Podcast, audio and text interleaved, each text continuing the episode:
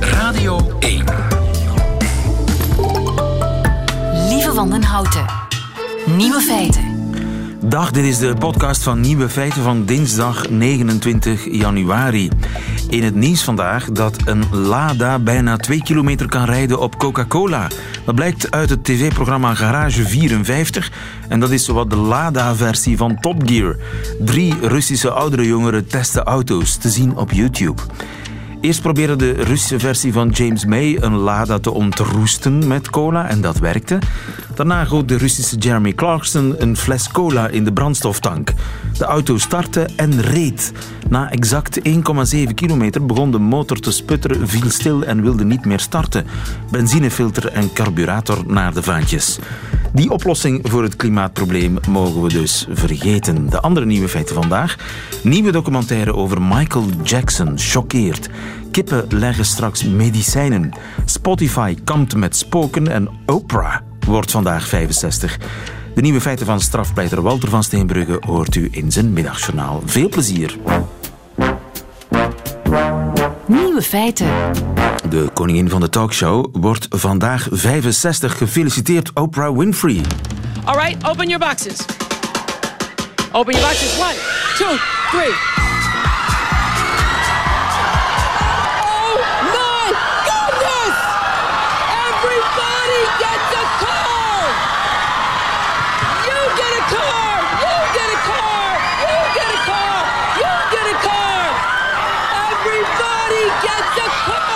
Een auto voor iedereen. In elke doos zit een contactsleutel. En alle 276 eh, mensen in het publiek rijden naar huis met een gloednieuwe Pontiac. Euforie in de studio. Legendarische tv-stunt 15 jaar geleden van Oprah Winfrey. Die vandaag 65 wordt. Ze blikt terug op een rijk gevulde carrière waarin ze 4500 interviews deed. Met gewone mensen, maar ook met de groten der aarde. Ladies and gentlemen, Michael Jackson. Please welcome home President Barack Obama and First Lady Michelle Obama. Please welcome Tom Cruise. Please welcome Madonna. Here she is, Tina Turner. Nicole Kidman. Please welcome our favorite urban cowboy, John Travolta. Mariah Carey. Beyonce. Please welcome Jennifer Aniston. Bon Jovi. Royalty Watcher Jo de Porter, goedemiddag. Goedemiddag. Royalty Watcher zeg ik. Oprah is natuurlijk eh, TV-royalty. Zou je zeggen dat zij de talkshow heeft uitgevonden, Jo? Nee, dat zou ik niet zeggen. Maar ze heeft hem wel grondig door elkaar geschud en ten goede veranderd. Eh, voor zij begon waren er natuurlijk wel dames en heren die iets vergelijkbaar deden. Eh, Phil Donahue was daar één van, die in een publiek eh, een onderwerp behandelde en dat was dan een maatschappelijk onderwerp of een delicaat onderwerp. Maar wat zij gedaan heeft, zij is er deel van gaan uitmaken. Zij is tussen de mensen gaan staan. Zij heeft het onderwerp en de mensen vanuit zichzelf besproken. En dat was nog nooit gedaan eh, voor die tijd. Wat je ook nooit eerder zag op televisie was tranen. En ook haar eigen tranen liet ze soms de vrije loop. was videotaped because Trudy says that she wanted others to someday be able to understand that they are not alone in their abuse. And that is why we are doing this show. Ja, Judy, je bent niet alleen in je misbruik. Daarom eh, doen we deze show. Oprah komt niet uit haar woorden van de emotie als ze een reportage over eh, Judy, het gemolesteerde kind, moet eh, aankondigen. Waarom moest Oprah huilen? Omdat Oprah zelf eh, misbruikt is al van in de heel vroege jeugd. En dat is natuurlijk het resultaat als je onderwerpen neemt die heel dicht bij mensen staan. En als jij ook een mens bent en als je de onderwerpen kiest omdat je er zelf iets bij voelt. Wel, hier voelde ze heel veel, omdat ze toen ze negen jaar oud was al eh, door haar neef en oom en andere leden eh, van de familie ernstig misbruikt. En ze heeft ook nooit geaarzeld om daarover te getuigen, want in haar eh, overtuiging was getuigen over wat je hebt meegemaakt, het bespreken of bespreekbaar maken, zit halverwege de heling en de oplossing. Dat is ook wat die term of dat, dat, die techniek, dat heet in Amerika die.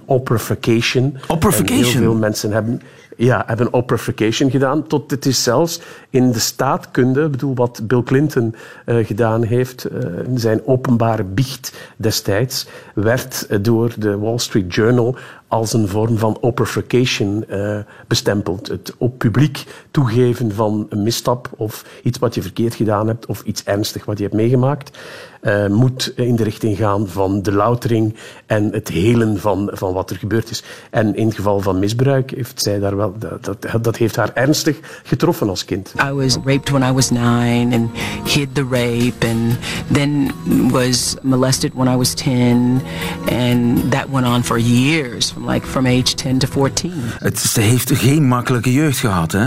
Nee, zij komt, het is echt het, het verhaal van From Rags to Riches. Zij komt uit het hele diepe zwarte uh, Mississippi.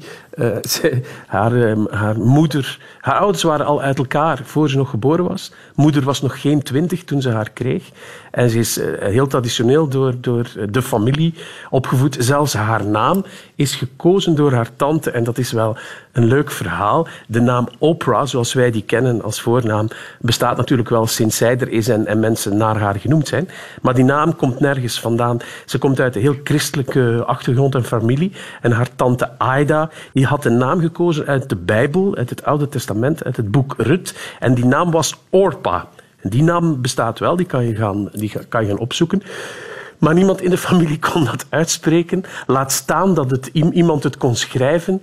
En door haar jeugdjaren heen is dat van Orpa naar Oprah gegaan, omdat dat erop leek en dat dat toch iets was wat mensen konden onthouden en, en uh, schrijven. Het is trouwens zo dat in haar beginjaar bij de televisie de verschillende uh, televisiebazen geweest zijn die haar proberen te overtuigen hebben om die naam Oprah, wat toch iets heel vreemd is, te veranderen in een andere, iets commerciële naam.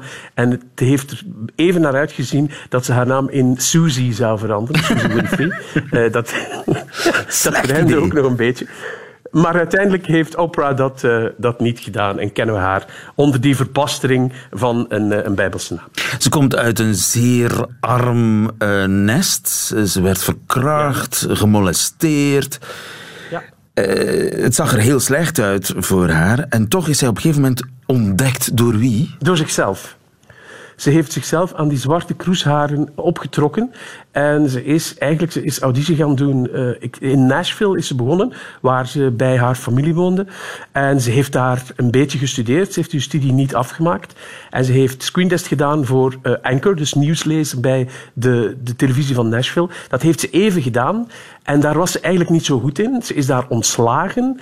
En toen is ze een soort van live verslaggeving gaan doen. En vanuit die live verslaggeving is, heeft ze auditie gedaan voor een talkshow in Chicago die geherstart werd. Die heette Good Morning Chicago of Chicago AM. Daar is ze aanvaard. En dat is uiteindelijk de Oprah Winfrey Show geworden. Eerst in Chicago en dan, zoals dat heet in Amerika, in syndication. Dat betekent dat je het één keer maakt voor, uh, zeg maar, Chicago. Maar dat het dan over heel de Verenigde Staten wordt, uh, wordt uitgezonden. Wat is haar grootste talent? Babbelen. En babbelen bedoel ik in de meest sympathieke, in de meest verheven, in de meest uh, edele uh, betekenis van het woord. Uh, praten met mensen op mensenniveau en luisteren naar mensen. En het luisteren, dat bedoel ik in eerste instantie het effectieve luisteren. Dus als je naast iemand zit en die zegt iets, dat je hoort wat hij aan het zeggen is. En meer nog, dat je hoort wat hij niet zegt. Maar ook luisteren naar wat er leeft in de maatschappij. Ja, communiceren, connecteren met uh, mensen, met haar publiek, met haar gasten, babbelen. Dat kon ze. Het heeft haar ook puissant rijk gemaakt. Hè? Ja, ze is, uh, de, ze is uh, biljonair. Dus miljardair. miljardair. In, een drievoudig miljardair. En ze heeft ook gigantische domeinen uh, over de hele... Ze heeft een gigantische domein in, in um, Californië. Ze heeft een hoeve op Hawaii. En ze is chairman en hoofdeigenaar van haar eigen uh, bedrijf. Dat is Harpo Productions, waar nog altijd heel veel programma's maken. Dus het is uh, een zeer gefortuneerde vrouw geworden doordat ene wat ze zelf, want ik wil het niet naar beneden halen, ze noemt het zelf zo, dat ene kleine talentje om te kunnen babbelen met de mensen. Nu, ze wil mensen redden. Ze is ook het icoon van de zelfrealisatie. Wat het leven je ook toewerpt, je kan het aan. Hè, naar eigen voorbeeld. Zie, kijk naar mezelf. Hè. Ik, kom, Ja. ik heb mezelf uit, de, uit het moeras aan mijn zwarte haren omhoog getrokken. Eh, is dat haar Ja. gelukt? Heeft ze de wereld verbeterd? Ik denk het wel. Ik denk dat ze. ehm, ik zet haar echt in het rijtje van de Rosa Parks en de Martin Luther Kings en de Obama's van deze wereld. Ze heeft in een hele lange tijd, en nog altijd, is ze in staat geweest om een bepaald deel van de bevolking, eh, het zwarte deel van de bevolking, het vrouwelijke deel van de bevolking, het niet zo bemiddelde deel van de bevolking, want haar programma werd overdag uitgezonden en eh, richtte zich tot de mensen die overdag in de gelegenheid waren ehm, om televisie te kijken. En dat zijn niet de mensen die eh, aan het werk zijn op dat moment.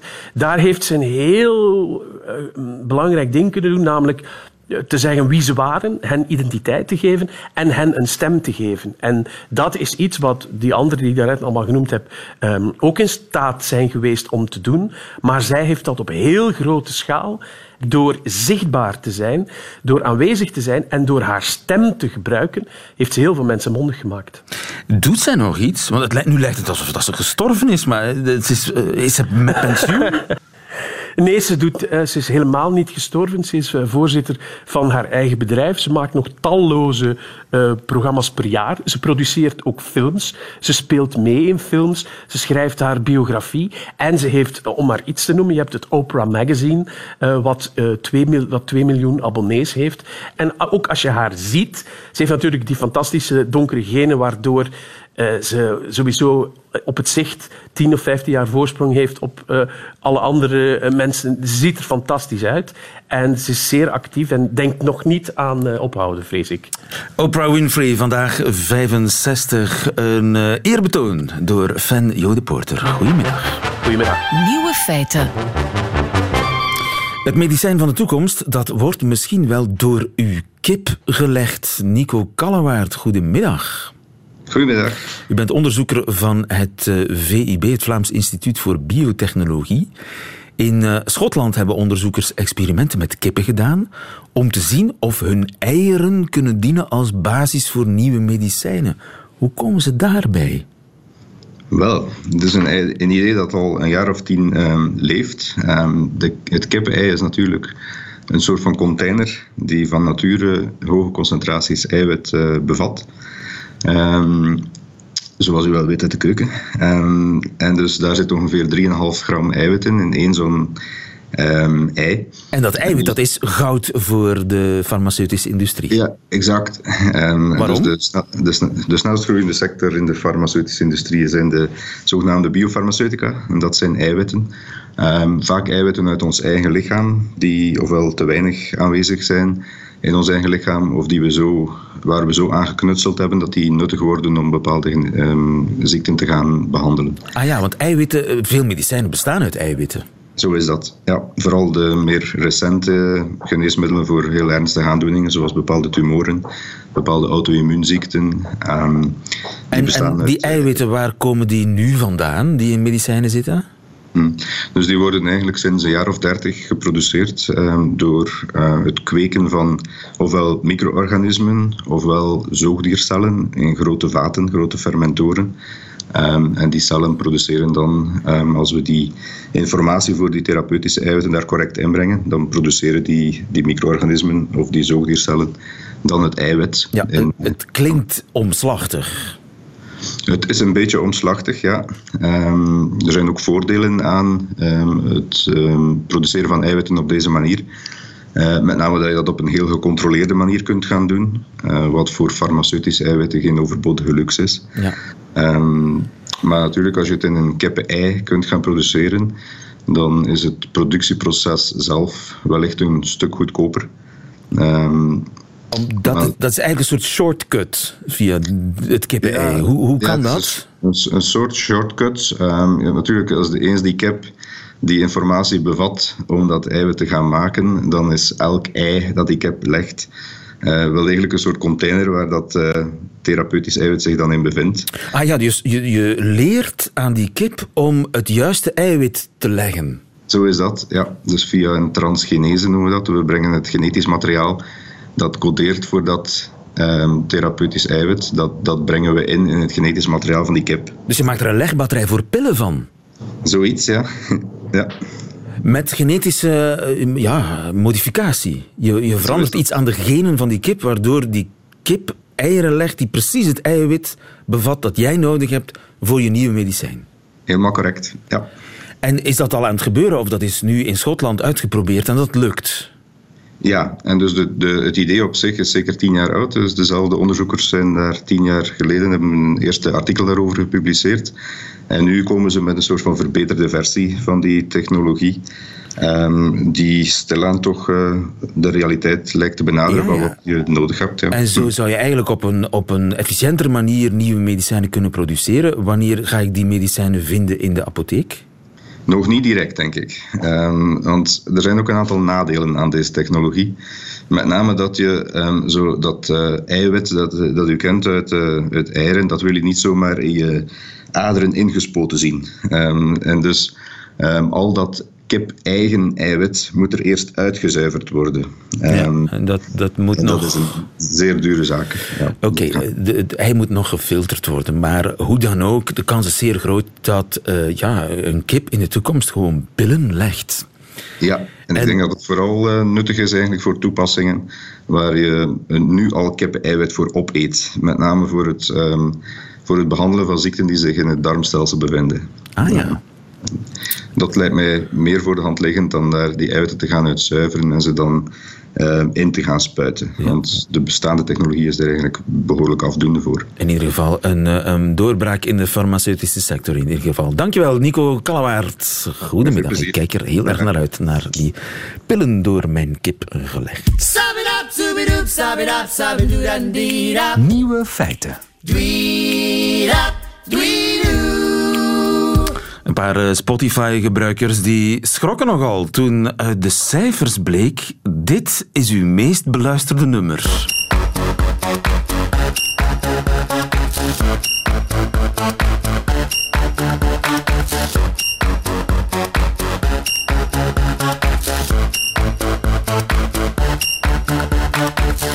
Voilà, en geloof me, het gaat zo nog minuten door. Er gebeurt niets anders dan dit. Nog een groep waar niemand ooit van gehoord heeft, maar die toch druk beluisterd wordt, op Spotify, althans volgens de cijfers, is deze.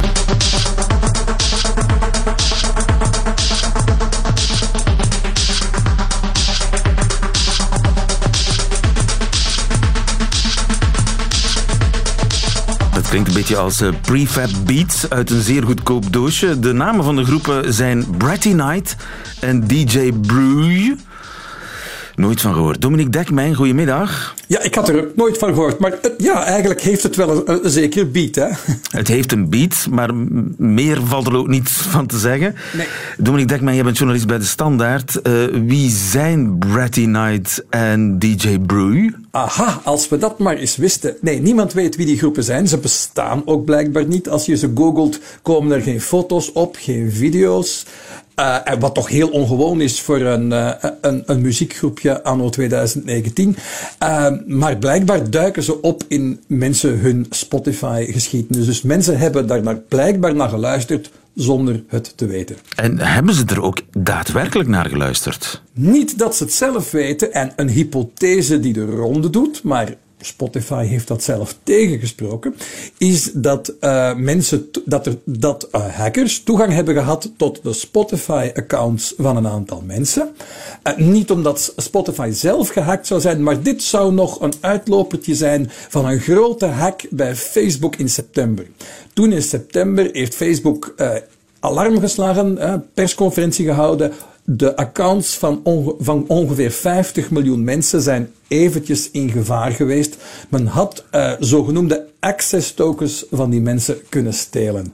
En dat zijn kleine bestandjes die op je pc worden geplaatst en waarmee eh, je als je inlogt op Facebook vervolgens ook op andere websites zoals Spotify binnen kunt. Een soort, soort toegangskaartje is dat eigenlijk. Ja, ja, dus het zijn Eh, zijn hackers die zogezegd geluisterd hebben via jouw account. Wel ja, kijk, stel dat ik. eh, Dus die 50 miljoen eh, access tokens, men heeft echt nooit geweten wat de hackers er eigenlijk mee wilden doen. Je kunt daar ook niet zo heel veel mee. Ja, je, je hebt daarmee tijdelijk toegang gehad tot uh, iemand zijn Facebook-account. Maar die, die account, dat heeft Facebook vrij snel afgesloten toen. Maar vermoeden sommigen nu, al, ik zeg het er nog eens bij, Spotify heeft het dan ontkend. Als je dan toch via een paar van die access tokens die Facebook dan vergeten is uit te zetten, nog eventjes toegang hebt tot mensen hun Spotify, hoe ga je daar geld aan verdienen? Ja, door een muziekje af te spelen dat je zelf gemaakt hebt. Hè. En zo zouden hackers er dus in geslaagd zijn via die access tokens die in september bij Facebook zijn gestolen, om dan uh, een tijdje stiekem in te loggen op mensen hun uh, Spotify en daar dus nummers van Burger 05 te spelen. Ja, ja. En uh, de pineut in dit verhaal is, is Spotify, want die betaalt. Uh, ja, uiteindelijk, uh, uiteindelijk ja, betalen zij in principe rechten op die streams. Nu, dat gaat niet over heel veel geld, want Spotify betaalt per stream maar een heel klein bedrag. Dat is minder, minder dan een cent. Dus zelf als die nummers, hè, we spreken nu over nummers die dan enkele tienduizenden, misschien honderdduizend keer zijn afgespeeld. In het beste geval zijn de hackers met ja, misschien een paar duizend euro uh, gaan lopen. Dus het gaat niet om echt veel geld. We weten ook niet of Spotify dat effectief uh, heeft uitbetaald. We weten wel dat die groepen in de tijd, dat die groepen intussen van, uh, van Spotify zijn gegooid. Dus Spotify kan die hackers, die fake groepen wel, die spookgroepen, die spookmuzikanten, detecteren en van uh, de streamingdienst gooien? Uh, wel, ik neem aan dat ze de, alleen de namen hebben, zoals ik het begrepen heb, hebben ze de namen uh, verwijderd die de BBC vorige week vrijdag, hè, vorige week vrijdag heeft de BBC dat, dat gemeld. Er waren enkele weken lang, waren er al mensen op Twitter aan het klagen over van wie is nu die Burger 05, ik vind er niks over terug. dus die namen specifiek, daar heeft BBC dan een vraag aan gesteld bij Spotify. Spotify heeft gezegd, weten we niks van, maar heeft ze het dan intussen wel heel, heel snel offline gehaald. Uh, of er nog andere zijn, dat, uh, dat weten we niet. Het spookt op Spotify. Dankjewel, Dominique Dekmijn. Goedemiddag. Graag gedaan.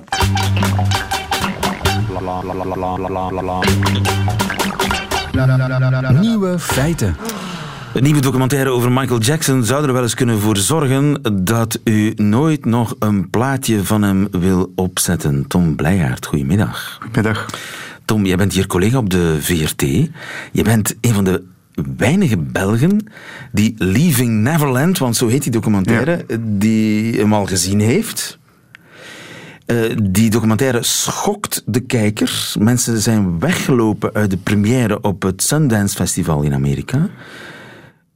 Ben jij tot het einde blijven kijken? Is het zo erg? Ja, absoluut. Uh, het is een documentaire van vier uur. Uh, de meeste critici uh, zijn ook redelijk lovend en gechoqueerd buitengekomen uit die première. Lovend ben... en gechoqueerd? ja, inderdaad. en wat is het schokkende? ik ben met een zekere argwaan naar de documentaire beginnen kijken, want al op voorhand was er heel veel om te doen. aangezien de twee jongens waarover het gaat al vroeger de man verdedigden in 2005 en pas rond 2013 met de beschuldigingen naar buiten kwamen. Maar het is allemaal zo bijzonder geloofwaardig en gedetailleerd verteld uh, dat het bijna niet kan dat daar geen grond van waarheid in zit. Dus ze vertellen zo gedetailleerd, dus tot in de, de meest afschuwelijke details, wordt het kindermisbruik verteld? Klopt. Het is eigenlijk het verhaal van de twee jongens en hun familie die uitgebreid wordt verteld. Uh, allebei leerden ze Jackson kennen in de jaren tachtig als kind van de showbusiness. Uh, Safechuck, dat is een van de twee jongens, dat was een kindacteur uh, die op zijn tiende in een reclamespot voor Pepsi kwam opdraven met Michael Jackson, die hij toen ontmoette op de set. de andere jongen, Robson, die won op zijn vijfde een Jackson-imitatiewedstrijd voor kinderen. Dus het waren echt grote fans al als Absoluut, kind. absoluut. En we zien hoe hij op een gewikste manier min of meer het vertrouwen wint van de beide families en die tot zijn inner circle toelaat. Uh, voor hen moet dat ook geweldig zijn geweest dat hun grote idool plotseling belangstelling voor hen toonde. Absoluut. En Jax kwam ook bij de jongens thuis op bezoek. Hij nodigde ze samen uit met hun ouders uh, om mee op tournee te gaan. Uh, eerst sliepen ze op hotel bij een moeder op de kamer, later bij Michael zelf. En het is toch heel emotioneel om ook het verhaal van de moeders te horen, die, die alles maar lieten gebeuren om een carrière te laten. ja, het was een droom hè, die uitkwam. Absoluut die plotseling een nachtmerrie werd, want ze moesten bij hem in bed slapen. Ja, het wordt dan ook uh, in het begin als een soort van sprookje verteld, maar na een half uur kijken begint het een eenmaal te ontaarden in een soort van horrorverhaal en zeer gedetailleerd. Uh, we zien uh, wat er allemaal achter de gesloten deuren van de hotelkamers gebeurde en ook in Neverland. Hij, sorry als ik ja. nu heel brutaal en, ja. en ja, praktisch word, maar wat gebeurde daar eigenlijk precies? Hoe ver ging dat? Ja, gradueel wordt eigenlijk duidelijk hoe het proces van uh, seksueel misbruik verliep. Dus, uh, dus de, de ene jongen was zeven toen het misbruik begon, uh, de andere was tien. Het begon met knuffelen, dan ging het van masturbatie tot orale seks, tot uiteindelijk penetratie. Dus het is toch wel zeer heftig, ja, absoluut. Ja. Die jongens hebben hem eerst verdedigd. Klopt, ja. Waarom? Dus, uh, wel, eigenlijk, de nieuwe elementen zijn er vooral voor de kijker, want de beschuldigingen zijn niet nieuw. Uh, dus zij werden alles in 2013 voor de rechter gebracht. Uh, maar de zaak werd toen geclasseerd wegens te laat of niet belangrijk. Uh, maar dat het zo gedetailleerd, rechtuit, geloofwaardig wordt verteld, uh, maakt de documentaire zo speciaal. Dus, maar wat je ook vooral ziet is, het is eigenlijk een heel goede studie over het psychologisch proces dat met seksueel misbruik gepaard gaat. En dat maakt ook min of meer duidelijk waarom ze in het begin en blijven adoreren zijn en dan uiteindelijk er toch voor gekozen hebben om, om het eigenlijk als naar buiten te brengen. Omdat ze eigenlijk wel fan Absoluut. leven van hem. Ja, en, en ze wilden hem beschermen. En voor een stuk blijkt die adoratie ook zelfs nog uit die documentaire. Is het voor hen persoonlijk belangrijk dat die documentaire gemaakt is? Uh, ja, absoluut omdat ze ook een stem willen geven aan de mensen uh, die effectief de, uh, dit meegemaakt hebben. Dus andere, ze willen andere, andere mensen absoluut. sterkte geven. Ja. Uh, dat werd ook duidelijk toen ze effectief de Q&A deden na de première op Sundance. Ja. Dat is ook een enige bedoeling. uiteindelijk geven ze ook zelf aan, je weet natuurlijk nooit, dat ze absoluut geen geld uit die documentaire wouden.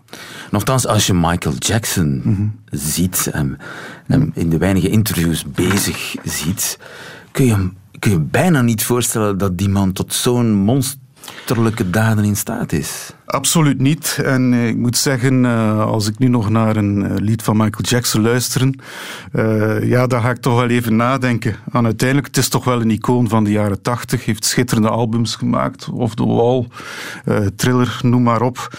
Maar het gaat hier ook om een figuur die echt mythische proporties aangenomen heeft. En dat maakt het allemaal zo wrang in die documentaire natuurlijk. Kun je nog naar Michael Jackson luisteren? Wel, dat gaan we proberen, ja. Ja? ja. Kunnen we nog draaien? Ja, hij heeft zeer goede muziek gemaakt. Dat maakt het natuurlijk net zo moeilijk. Uh, ik hoor ook dat er op de première op Sundance uh, in de avond een party was waar een medley van Michael Jackson gedraaid werd.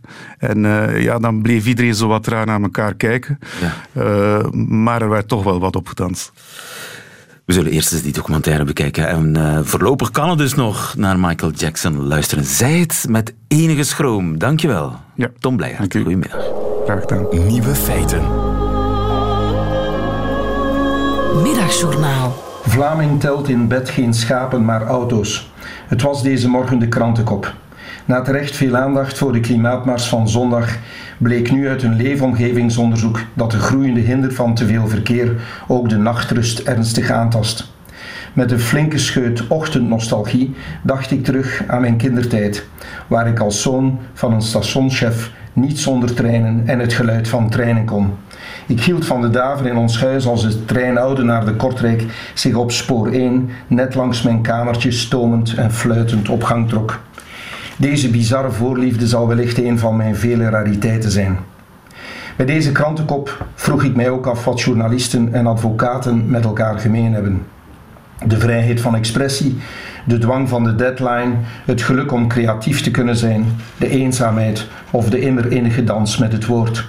Het woord als wapen om dingen aan te kaarten, te revolteren, te bekennen, te plagen, te ontroeren of lief te hebben. Voor mij krijgen woorden echter maar een volle kleur als ze op papier achtergelaten worden. Het uitgesproken woord mag zich dan wel meer lenen om nu en dan eens een verbale uppercut uit te delen. Het geschreven woord is voor mij subtieler, heeft doorgaans meer allure. Ik verkies dan ook de geraffineerde dribbel met Latijnse zwier boven het droge afstandsschot. Mijn PC en ik zullen nooit de beste vrienden worden. Ik kan zijn kille technologie vaak niet volgen. Een PC nodigt uit tot het maken van korte zinnen, halve woorden of afkortingen. Je gaat ook niet herlezen, want de woorden glippen weg tussen de drukknoppen van het klavier. Typen is als drukwerk. Je slaat met letters die je na de slag niet meer terugziet. De computertaal die het overneemt van het geweten. Denken in schablonen. Kan het erger? Schablonen, wat een vreselijk woord. Schrijven op papier gebeurt vanuit het hoofd, niet vanuit de vingers. Ik denk ook dat bitterheid en spuug minder makkelijk in de vulpen kruipen. De lichtvoetige pen gunt je een blik in de eigen ziel. De stiltes tussen het neerschrijven van woorden hebben overigens iets mystiek, zijn onvoorspelbaar. De geest raakt dan op drift en brengt je naar een wilde imaginatie of naar onvervulde dromen. Om dan nog te zwijgen over het fysieke genot wanneer de pen over het papier voorbeweegt. Bij het schrijven is er ook geen plaats voor autoriteit. Je zit op een filosofisch eiland, geestelijk vrij en onbegrensd. Wat een heerlijke ambacht toch. Mag ik een beleefde oproep doen om na het brossen voor meer bossen een tweede spijbeldag te organiseren, waarop jongeren zich in een groene omgeving terugtrekken, met loodvrij potlood en gerecycleerd papier om stukken te schrijven over een betere wereld, met verbod op Twittertaal, want dat is toch enkel weggelegd voor een beleidsmaker.